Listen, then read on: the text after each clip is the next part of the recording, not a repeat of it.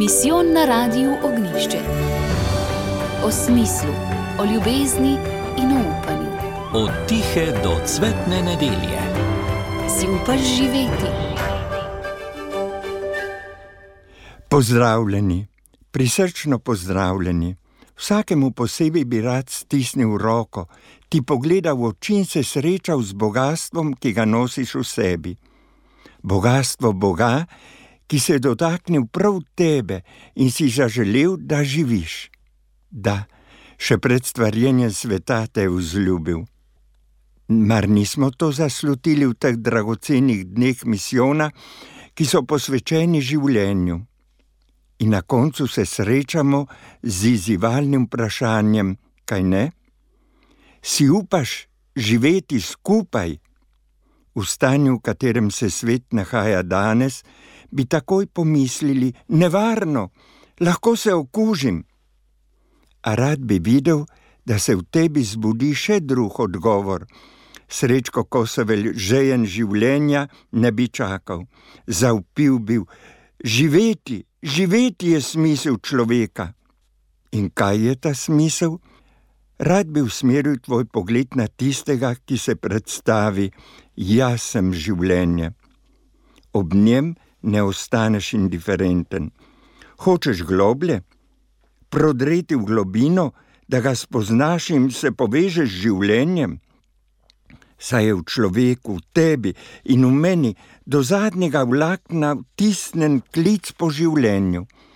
In tisti, ki mu je bilo dano, da se ga je dotaknil in ga spoznal, apostol Janez je zapisal: Bog je ljubezen. In tisti, ki ostaja v ljubezni, ostaja v Bogu in Bog ostaja v njem. In v njem, ki se predstavi kot življenje, z isto gostovostjo trdimo, da je ljubezen. Zato brez skrbi lahko postavimo znak enakosti med besede, življenje, enako ljubezen, enako Bog. In če stopimo naprej, nam še naše svete knjige že takoj povedo, da je človek ustvarjen po božji podobi. Dobesedno, Bog je rekel: naredimo človeka po svoji podobi, kot svojo podobnost. Na to ponovi, da je ga ustvaril po svoji podobi, po božji podobi ga je ustvaril. Ta sjajni zapis, še prej kot je v sveto pismo, je zapisan v naš DNK, v genetsko zasnovo človeka. Dovolj je to in veš vse, vse, kar je potrebno, da živiš. Zanimivo je preleteti zgodovino krščanstva teh dveh tisočletij. V prvem je človek vse usmerjen v Boga.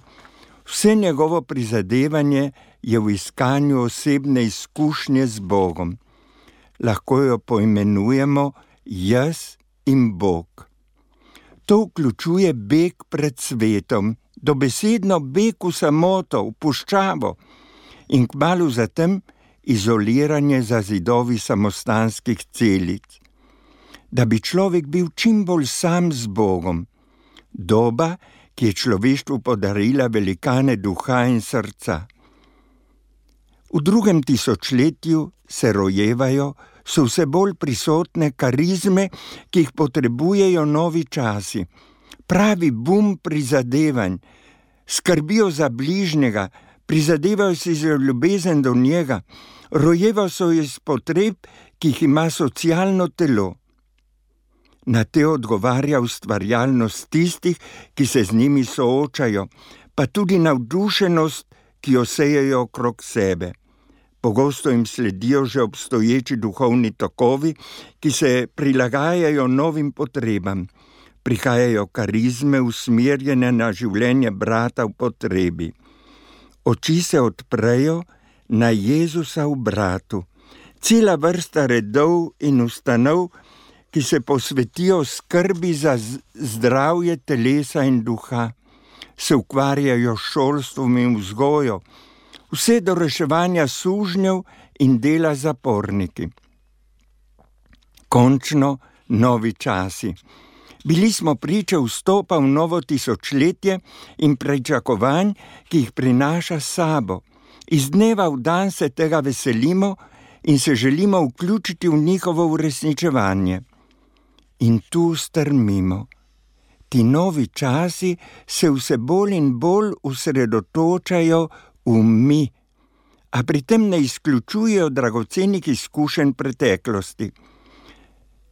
Prehod ni lahek. Takoj se postavi vprašanje, ali ima današnji človek še čas in čut, da bi se spuščal v iskanje tako po svoji notranjosti, kakor po tistih skupnih poteh, ki vodijo v odkrivanje izkušnje Boga. Sveti papež Janez Pavel II. si ni prikrival dejstva, da se danes prebijamo skozi temno epohalno noč. In Benedikt, da je danes na osvajalnem pohodu diktatura relativizma. A prav ta, po drugi strani, v ljudeh vzbuja željo po novi uri zgodovine in krepenenje po izviru, ki bi pokazal, kako samo ljubezen prinaša življenje.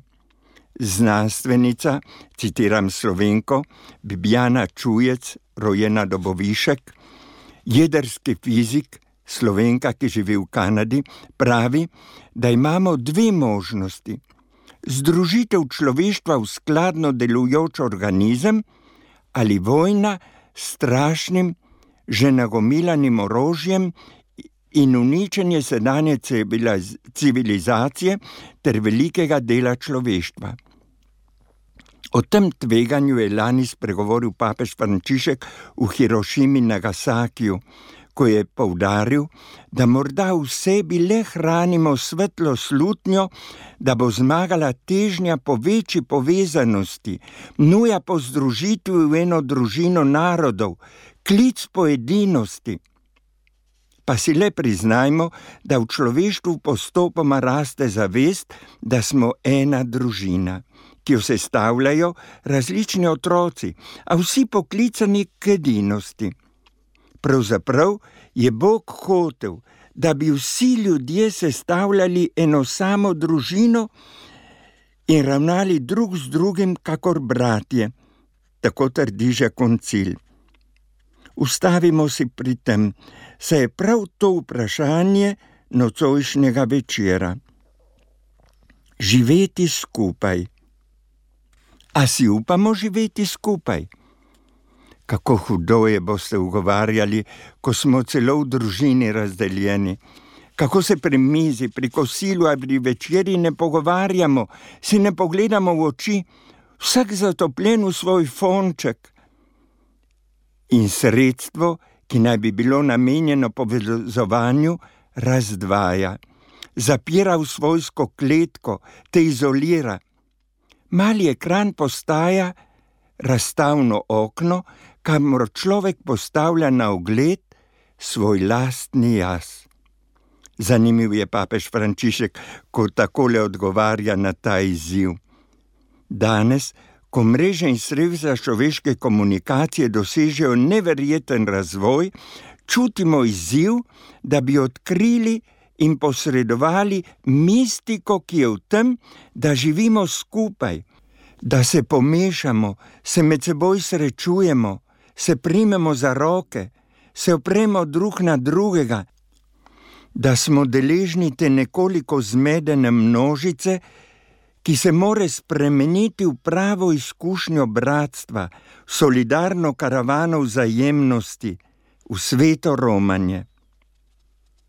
Najprej si moramo biti na jasnem, duhovnost za kristijane pomeni priprosto način, kako živimo evangeli, ta krščanski slog življenja, kako utelesimo evangeli to izredno bogatstvo, ki ga ne bomo nikoli do konca izčrpali. Takoj zatem vpraša, vprašanje o cerkvi, kaj je njena identiteta? Odgovor je preprost: občestvo, božje ljudstvo na poti, Kristusovo telo, ki mu Bog posreduje svoje življenje, ljubezen.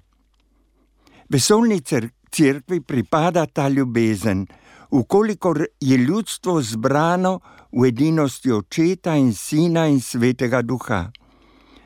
Skozi čas živi iz te božje edinosti in postaja znamenje in orodje za notranjo zvezo z Bogom in za edinost vsega človeštva. Identiteta Cerkve 20. in 21. stoletja, njeno najgloblje bistvo je zatorej občestvo, tako pravi koncil. In v tej luči prideta do posebnega pomena dve značilnosti novega božjega ljudstva: ista poklicanost vseh biti crkv, ter različnost nalog in darov, karizem.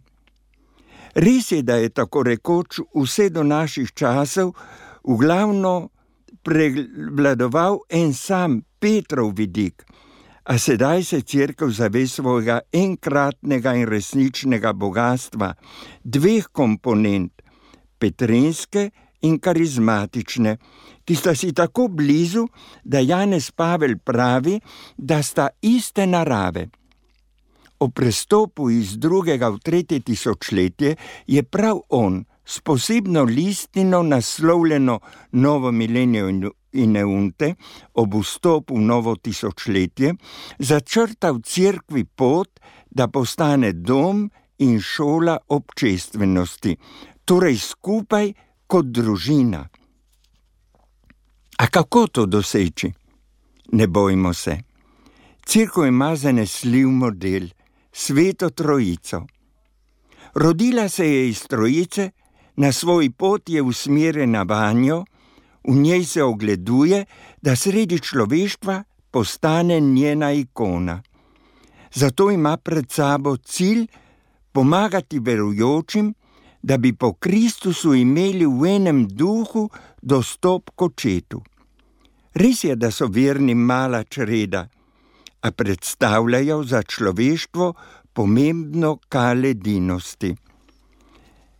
Ta edinost je dinamična, po vzoru ljubezni trojice, zato ima slehrni od nas možnost, da zdaj in tu na zemlji zaživi življenje trojice kakor si ti, oče, v meni in jaz v tebi, tako naj bodo v nama eno, je prosil Jezus pred smrtjo. In crkv danes ponovno odkriva to možnost in poslanstvo.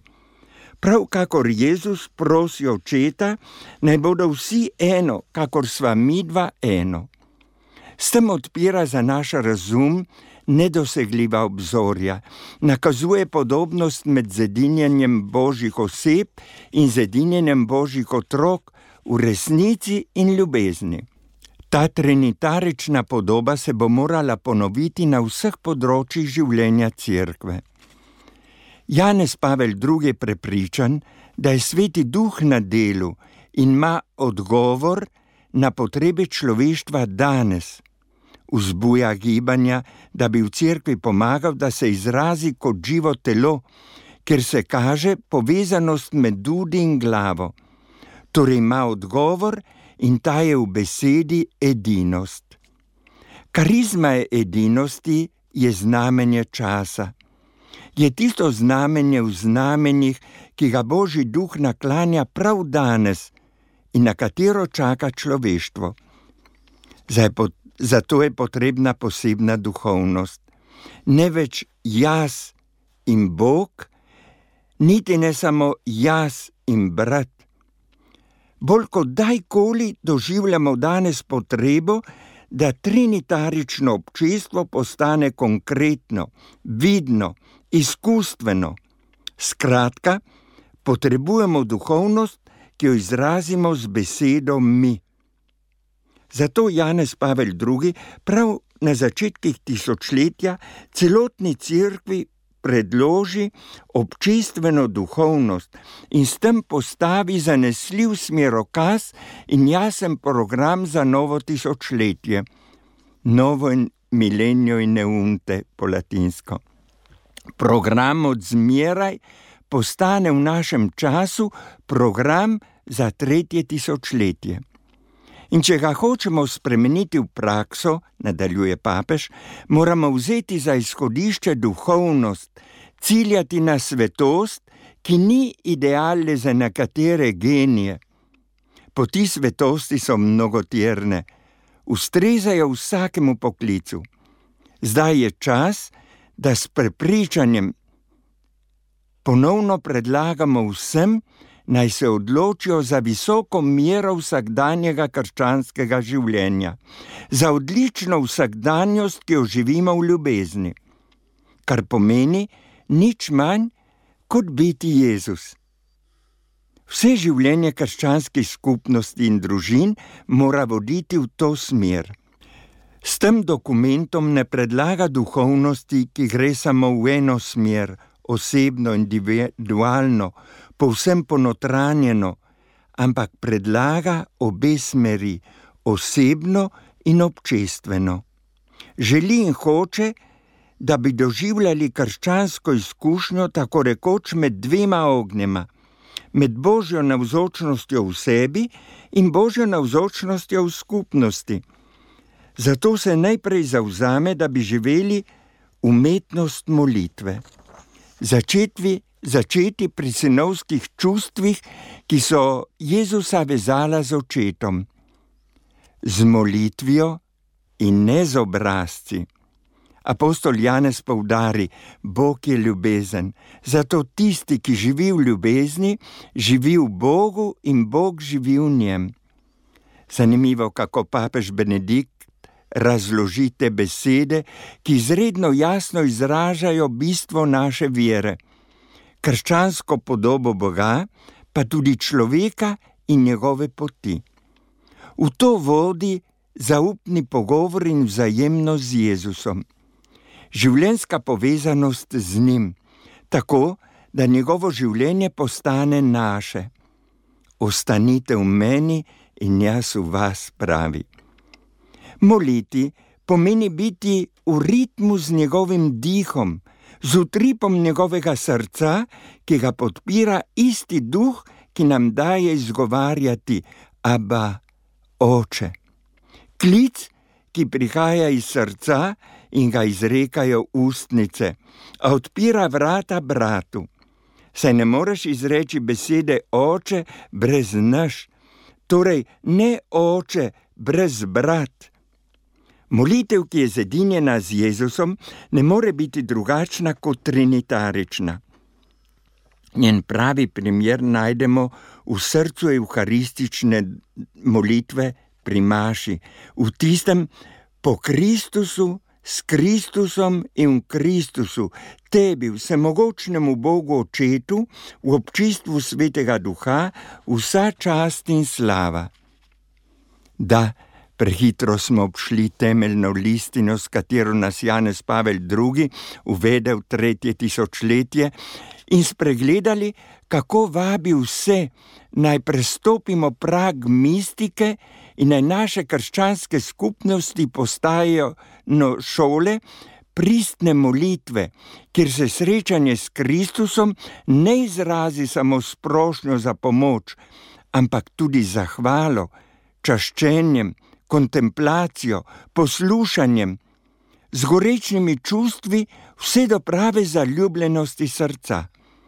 Vsekakor močna molitev, ki ne odpira srca samo božji ljubezni, ampak tudi ljubezni do bratov. Glede na zedinjene z Bogom, velja poudariti srečanje z Božjo besedo, potrebo po živi izkušnji Evangelija. Zato dokument poudari, kako je ob čudovitih primerih pričevalcev pomembno živeti besedo življenja. A stopimo še do ene žariščne točke v krščanski duhovnosti, ki je prvič omenjena v uradnem dokumentu Cerkve.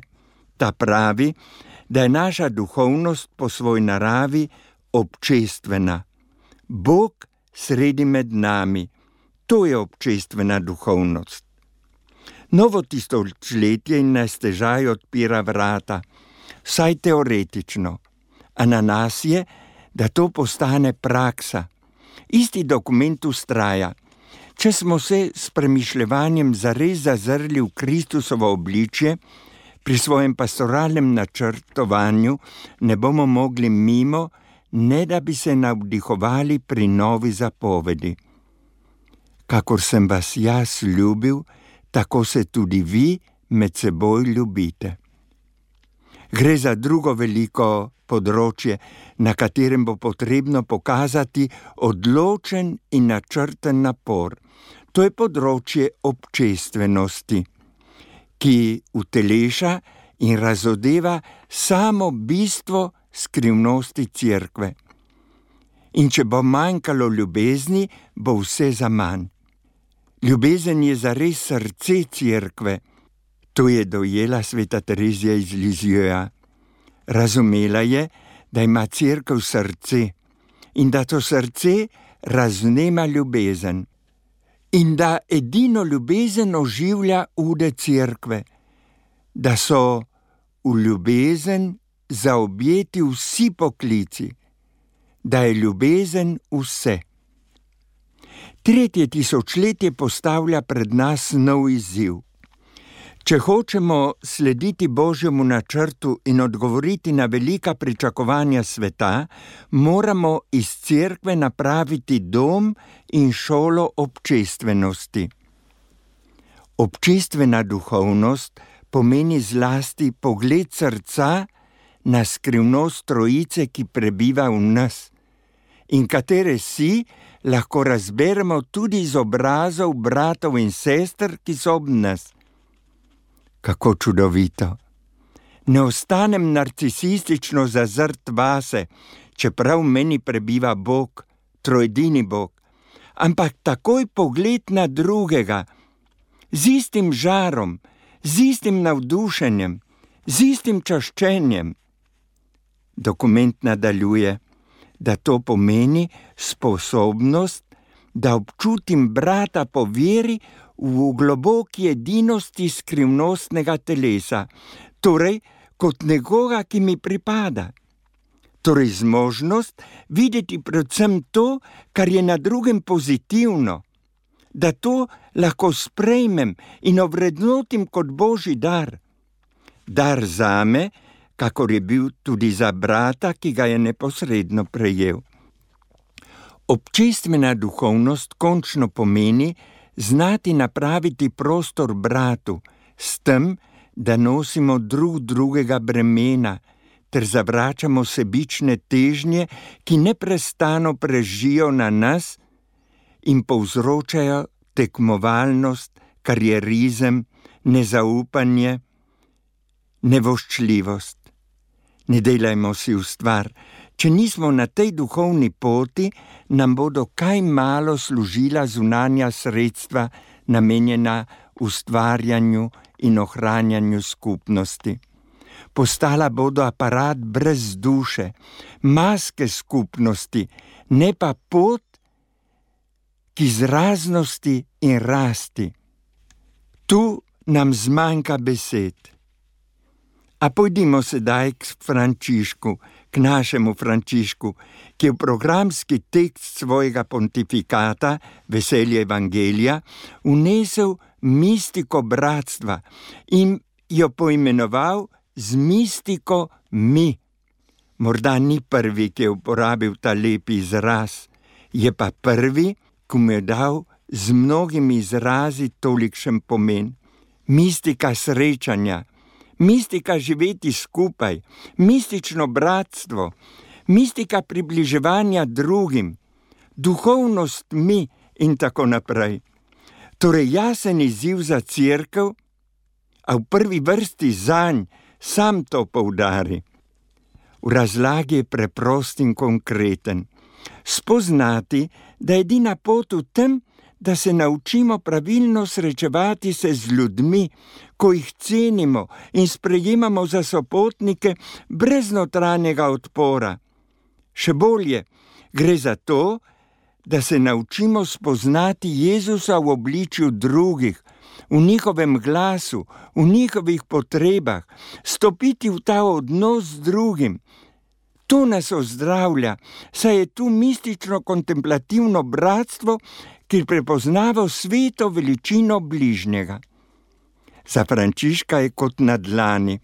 Temelj bratstva je v očetovstvu Boga, ker je en sam oče, ki je Bog, ste vi vsi bratje in sestre.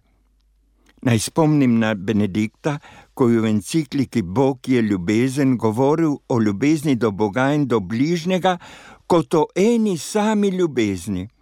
Tu pravi: Ljubezen je božja, ker prihaja od Boga in nas združuje z Bogom. V tem združitvenem procesu nas preoblikuje v mi, kar presega naše ločitve in nam omogoča, da postanemo eno, tako da bo končno Bog vse vsem. To očetovstvo učinkovito rojeva bratstvo, saj ko sprejmemo to božjo ljubezen, postane najsilovitejše sredstvo za preoblikovanje naših življenj in odnosov z drugimi. Pomislimo, kaj pomeni tako ravnati drug z drugim. Spreminja nas v mi in ta mi ni, ni nihče drug kot On, Jezus med nami. Treba da živi v vsakem izmed nas, da bo prisoten med nami. A ko je prisoten med nami, zagotovo živi v vsakem izmed nas. Pred koncem novembra sem dobesedno poskočil, ko sem poslušal Frančiška na japonskem. Prvi govor je namenil škofom. Spomnil je, kako je krščanstvo pri njih od vseh začetkov, obdobje preganjanj, bilo prisotno v vsakdanjem življenju vernega ljudstva. Tiha navzočnost, živa navzočnost, ki spomni, da kjer sta dva ali jih je več zedinjenih v njegovem imenu, je on tu z močjo in nežnostjo svojega duha. NKD naših skupnosti je zaznamovan s tem pričevanjem, ki je proti strup za vsako bupanost in kaže pot, na katero se je treba usmeriti. Vi ste živa crkva, ki se je ohranila v tem, da je izpovedovala Gospodovo ime in gledala, kako vas on vodi sredi preganjanj.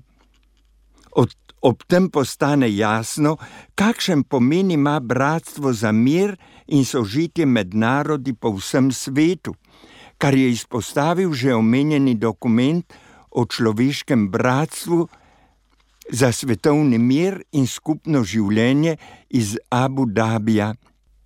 Kako pomembna je družina danes, ko koronavirus nam zapira crkve in ostane, še bolj živa domača crkva. Malo predtem je Frančišek obiskal mednarodno mestece Lopjano blizu Firenze v Italiji.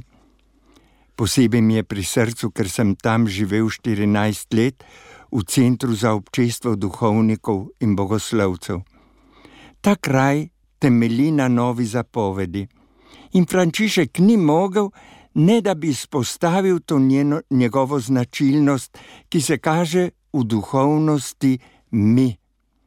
Predložil je naj sebi ali tudi drugim, morda celo v šali, napravimo test. Jaz sem ga napravil, je rekel, ko me je neki duhovnik vprašal: Povejte mi, oče, kaj je nasprotovanje od jaz? In jaz sem padel v zanko, takoj sem izustil ti ne. Nasprotje od vsakega individualizma, bodi si jaz ali ti, je mi. Torej nas duhovnost mi, za katero se vi trudite, rešuje vsake sebičnosti in vsakega sebičnega interesa. Duhovnost mi. Vselej mi pritegne, očara, potegne ven iz mene, in presadil drugega, v druge in druge vame. Seveda, zato je potrebna telovadba, potreben je napor. A tako postaješ znanilec novih časov in odpiraš pot v tretje tisočletje. Ker naš čas ni več čas, ko so duše iskale Boga samo v sebi. Bog od nas hoče, da pogledamo okrog sebe in kot bi bil v prečudežnem vrtu, se zagledamo v vse svetove, ki so tam.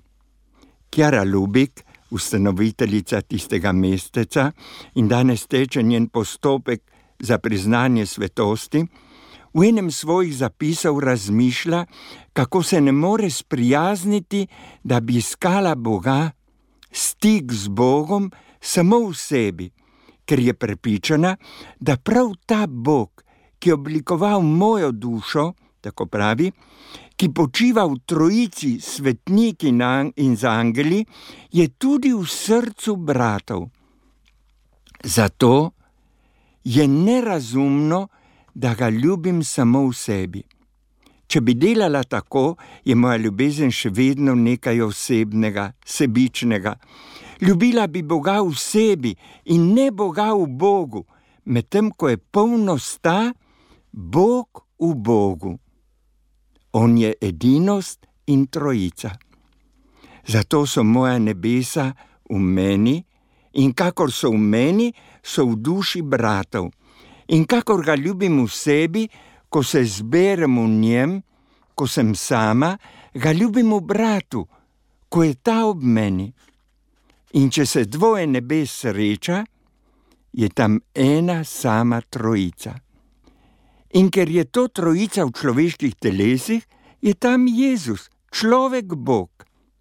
V tem je čudež trojice in lepota Boga, ki ni sam, ker je ljubezen tedaj bo duša, ki je vse dan rade volje izgubljala Boga v sebi in se selila v Boga v bratu, našla globok, oseben stik z njim.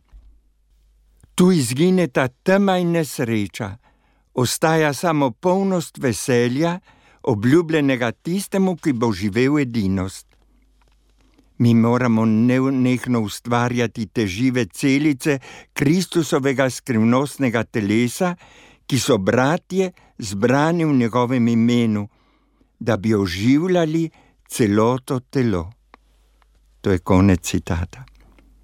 Da bi vse to zaživelo, predvsem, da bi med nami zaživela edino, za katero je Jezus prosil očeta in za njo plačal z najvišjo ceno, smrt, a ne samo telesna, ni dovolj, da imamo iste cilje, niti to, da živimo skupaj.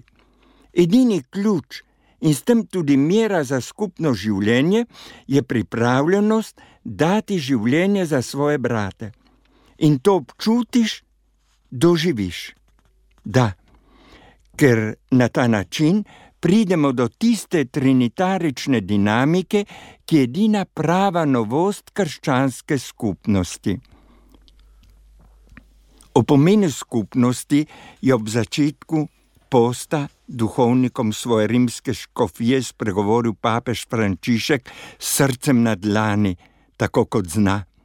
Rekl jim je, da globoko zavest občestva ima samo takrat, ko se osebno zavem tistega mi, ki sem, ki sem bil in ki bom. Kako vam želim, da pridete do te zavesti. A nocoj vas nočem pustiti brez prepričanja, da stojimo pred izzivom tisočletja. Povejte, če je tako ali ne. Pomagati cerkvi, da vsej svoji razsežnosti zaživi po vzoru trojice, ker vsakdo živi za drugega in ne zase. In kdo je prvi, je kakor bi bil vsem strežnik, Jezusova beseda.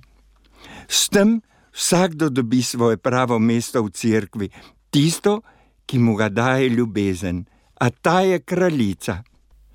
Dovolite mi, da vam dam domačo nalogo, ki najprej velja za me, vsekakor. Za vsakdanjo prakso si vzemimo prvo. Potrudim se, da vsakem človeku, za vsako ceno razberem si trojice, ki prebiva v njem, in skušam vzpostaviti stik z njo. In drugo, vsakega brata in sestro po veri jemljem kot del istega Kristusovega telesa. Smo isti Kristus. Če bo ta duhovnost, ki nam je danes Bog podarja, tudi prek nas preplavila crkv in se prelila na družbo, vse do odgovornih v družbi, kaj vse lahko pričakujemo za svet, ki nam je zaupan? Vsekakor ne za ton, propad, izničenje, kar napovedujejo preroki smrti. A začetek je odvisen od nas. Hvala, hvala vsem, posebno zahvala tistim, ki so se pred mano že srečali z vami. Pogumno, veselo, veliki noči naproti. Tako je v osrednjem misijonskem nagovoru današnje sobote razmišljal gospod Bojan Rauber, župnik v Strunjanu, duhovnik z desetletji res bogatih duhovniških izkušenj, z bogato življenjsko potjo, tudi z izkušnjo življenja v tujini, v skupnosti v Italiji. Za današnjo sobotno iskrico, otroško oddajo v dopodnevu, sem ga vprašal tudi, kaj lahko taka srečanja, kaj lahko misijonski nagovori ali take vsebine, ki so prvenstveno seveda namenjene odraslim poslušalcem, kaj tak poseben teden lahko sporoča mladim, otrokom. Torej, misijon nam da en pogled s srcem, da vsega človeka vidimo s srcem, ne samo z očmi. In posebej dan današnji, ko smo bolj zaprti zaradi tega koronavirusa v svoje domove in niti v šolo ne gremo ali podobno, je kako še pomembno, da znamo gledati s srcem. E, se vidimo morda tudi prek svojih telefončkov, ampak srce je tisto važno in pomembno in to imamo vsi. Hvala za vaše srce. Naša srca pa, ljudje smo, verjetno najbolj nagovorijo osebne zgodbe. Ja, veste, če sem iskren, jaz sem že kot majhen otrok imel ta stik z njim in ga je moje srce znalo videti, ko sem zrl v sveto hostijo. Naprimer, pri šmarnicah takrat ni bilo maše zvečer, ampak je bila sveta hostija pred nami. In enkrat, ko sem hitel spaše domov s kravami, da bi ja prišel do šmarnic, in sem potem klečal pred oltarjem, sem ohmahnil in padel. To je bil samo trenutek takšen. E, ampak moje oči so znale videti Jezusa v sveti hosti. Ampak pozneje, skozi vso to dolgo pot življenja, grem že malo proti 90, če vam rečem, sem ga znal razbrati in videti v očih vsakega brata. Otroci, kakšno bogatstvo imate, do kakšnega bogatstva lahko pridete, če znate Jezusa srečati v vsakem obrazu, v tistem otroku tam, v vaši mami, v očku, v stari mami, v sosedu, v tistem, ki vam ponagaja, ali celo v tistem, ki vam napravi krivico. V vsakem, vsakem je Jezus. Ne pozabite tega. Pa nam je tak pogled dan ali se ga je moč priučiti? Mi mora ti nekdo povedati, verjetno. Ampak počasi to razviješ v sebi, kot ko se učiš pri glasbi klavirja ali pri telovadbu, ko skačeš in tako naprej, dobiš s tistim treningom, pridobiš eh, tisto veščino. Tako je tudi s tem. Če rečeš vsako jutro, danes hočem vsakem videti Jezusa, potem boš stokrat pozabil, ampak sto prvič se bo spomnil in to je pomembno. Aha, torej tudi ustrajati. Ustrajati, ustrajnost je zelo velika krepost. Ko smo zdaj smo že za informativnimi dnevi, ampak še vedno smo v obdobju, ko mladina razmišlja, kam naprej, kako oddati prijave, eh, kaj izbrati za svoje življenje. V zdaj le vidim kot enega res predanega, veselega, radostnega duhovnika. Gospod Rabar, vam je bilo kdaj žal, da ste se odločili za to pot? Žal mi ni bilo. Sem bil tudi v težkih trenutkih, ko sem eh, se vprašal, ampak zakaj sem to eh, stopil na to pot. Posebej če nisem znal kakšnega odgovora ali kakšnega pravega pristopa do bližnjega, včasih tudi koga užališ. In tukaj je prav, da prosim tudi odpuščanje, ne mi prizanesejo tistim, ki, do katerih je prišlo do kakega eh, kratkega stika. Ampak moram povedati, da bolj ko so ljudje sivi in bolj ko je, so noge težke, je srce bolj lahko, veselo in srečno. Vesel sem, sem, da sem se popolnoma dal Jezusu. Vera, zaupanje vejeta iz besed našega današnjega misionarja, gospoda Bojana Raubarja. Za konec le še na svet, če gre. Kako živeti, da bomo živeli prav, da bodo naši dnevi polni ljubezni, zaupanja, vere joj, koliko bi bilo, ampak ena, ki mi je vodilo že več kot 50 let in ne odpove, je prepričanje, še več kot prepričanje, vera, da v vsakem obrazu, torej toliko bolj v otročiču, se skriva Jezusov obraz. Če se tako približaš človeku, ne boš zgrešil. To je stoprocentno gotovo. Torej, v vsakem obrazu se skriva Jezusov obraz. V vsakem srečati Jezusa. In kot ste rekli, človek sam ne zmore, skupaj sta pa lahko ljubezen z Jezusom. Ja, hvala, ker vem, da skupaj smo lahko Jezus. Misijon na radiju Ognišče. O smislu, o ljubezni in o upanju. Od tihe do cvetne nedelje. Si upaš živeti?